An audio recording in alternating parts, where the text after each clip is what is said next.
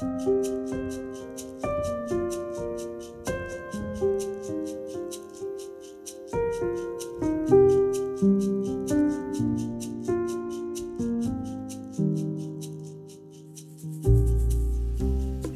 hører til dem som har vært mektig stolt av at Gjert Ingebrigtsen bor i min egen by.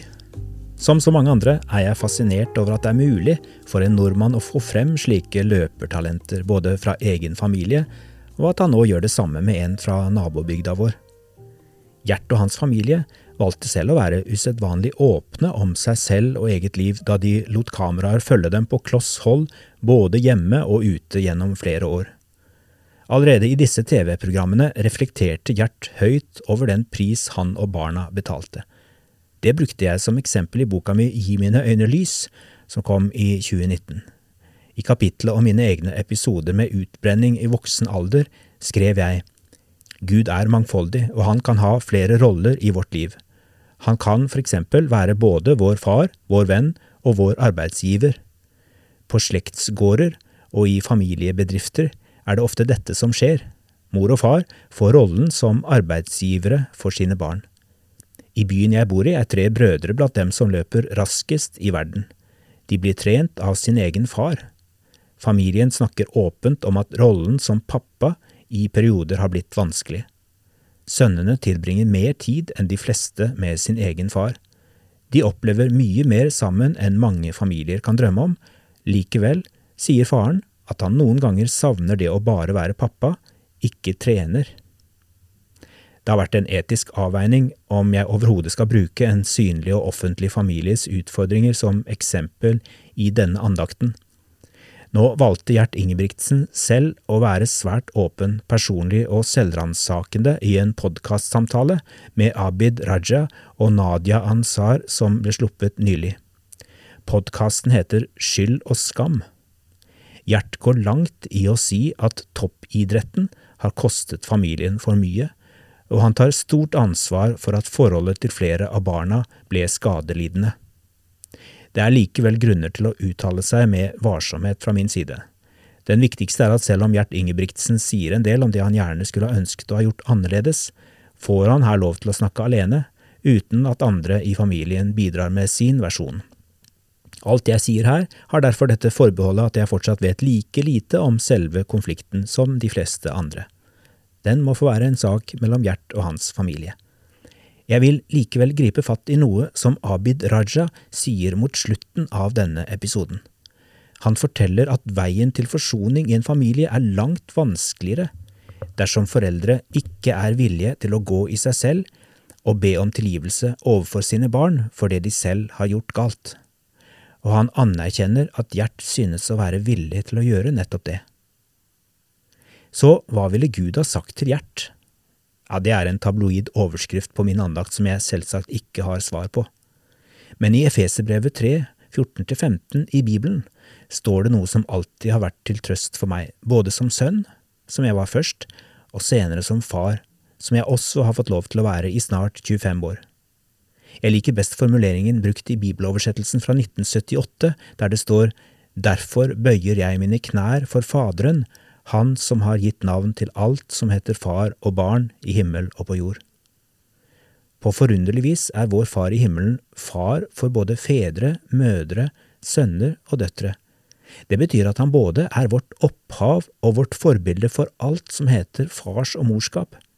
Men han er mer enn et forbilde, han er også den vi går til for å hente nåde når vi som foreldre kjenner på egen svikt og skuffelse over det som ikke ble slik vi ønsket i våre menneskelige og uperfekte familierelasjoner. Da jeg brukte familien Ingebrigtsen som eksempel i kapittelet om utbrenthet i boka mi, da handlet det ikke egentlig først og fremst om relasjonen innad i en menneskelig familie. Jeg snakket om vårt forhold til Gud, vår far, eller det gudsbildet som vi mennesker altfor ofte gir vår egen far fordi vi ikke forstår og klarer å gjengjelde hans helt unike kjærlighet. Det spesielle med det ordet som brukes mest om Guds kjærlighet i Det nye testamentet, agape, det er at det er en kjærlighet uten betingelser. De aller fleste foreldre kjenner seg delvis igjen i denne agape-kjærligheten. Å ha fått egne barn er på en måte å bli kastet ut i en kjærlighet som er helt grenseløs. Vi klarer ikke å la være å elske våre barn uansett omstendigheter. Og så klarer vi det ikke fullt ut likevel. For bevisst, eller oftest helt ubevisst, legger vi inn forventninger og føringer for våre barn i oppveksten. Disse velmente føringene sniker seg inn i relasjonene og blir en del av våre barns syn på seg selv og omverdenen.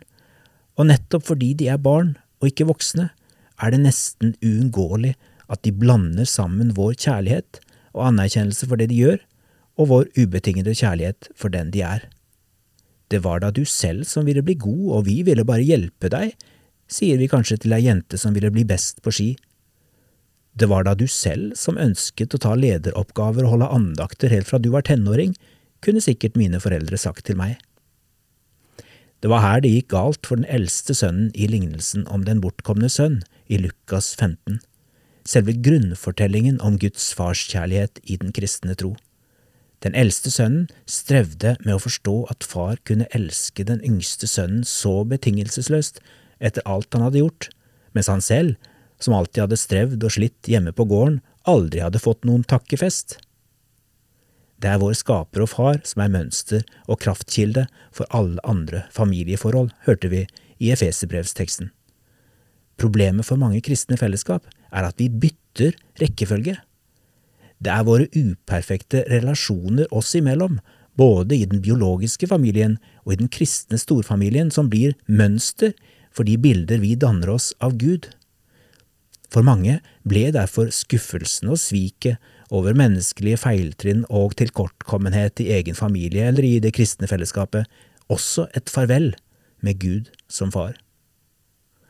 Til alle som kjenner seg igjen i disse tankene jeg her har presentert, ikke gi opp troen på at både du selv og de du har kjær skal bli møtt med den betingelsesløse agapekjærligheten fra det høye, elsket for den jeg er. Uten å påstå at dette er lettvint, ligger det alltid muligheter for de barn og ungdom som har opplevd svikt i familie og fellesskap, om å bli sett og tatt imot av en himmelsk far som representerer en bedre fortelling. Og så ber jeg om at den samme guddommelige agapekjærligheten skal åpne dører som i dag synes lukket, mellom utallige jordiske brødre og søstre, mellom utallige foreldre og barn. Derfor bøyer jeg mine knær for Faderen, han som har gitt navn til alt som heter far og barn, i himmel og på jord. Jeg ber om at Han som er så rik på herlighet, må styrke dere i det indre mennesket med sin kraft og med sin ånd, så Kristus ved troen kan bo i deres hjerter, og dere kan stå rotfestet og grunnfestet i kjærlighet.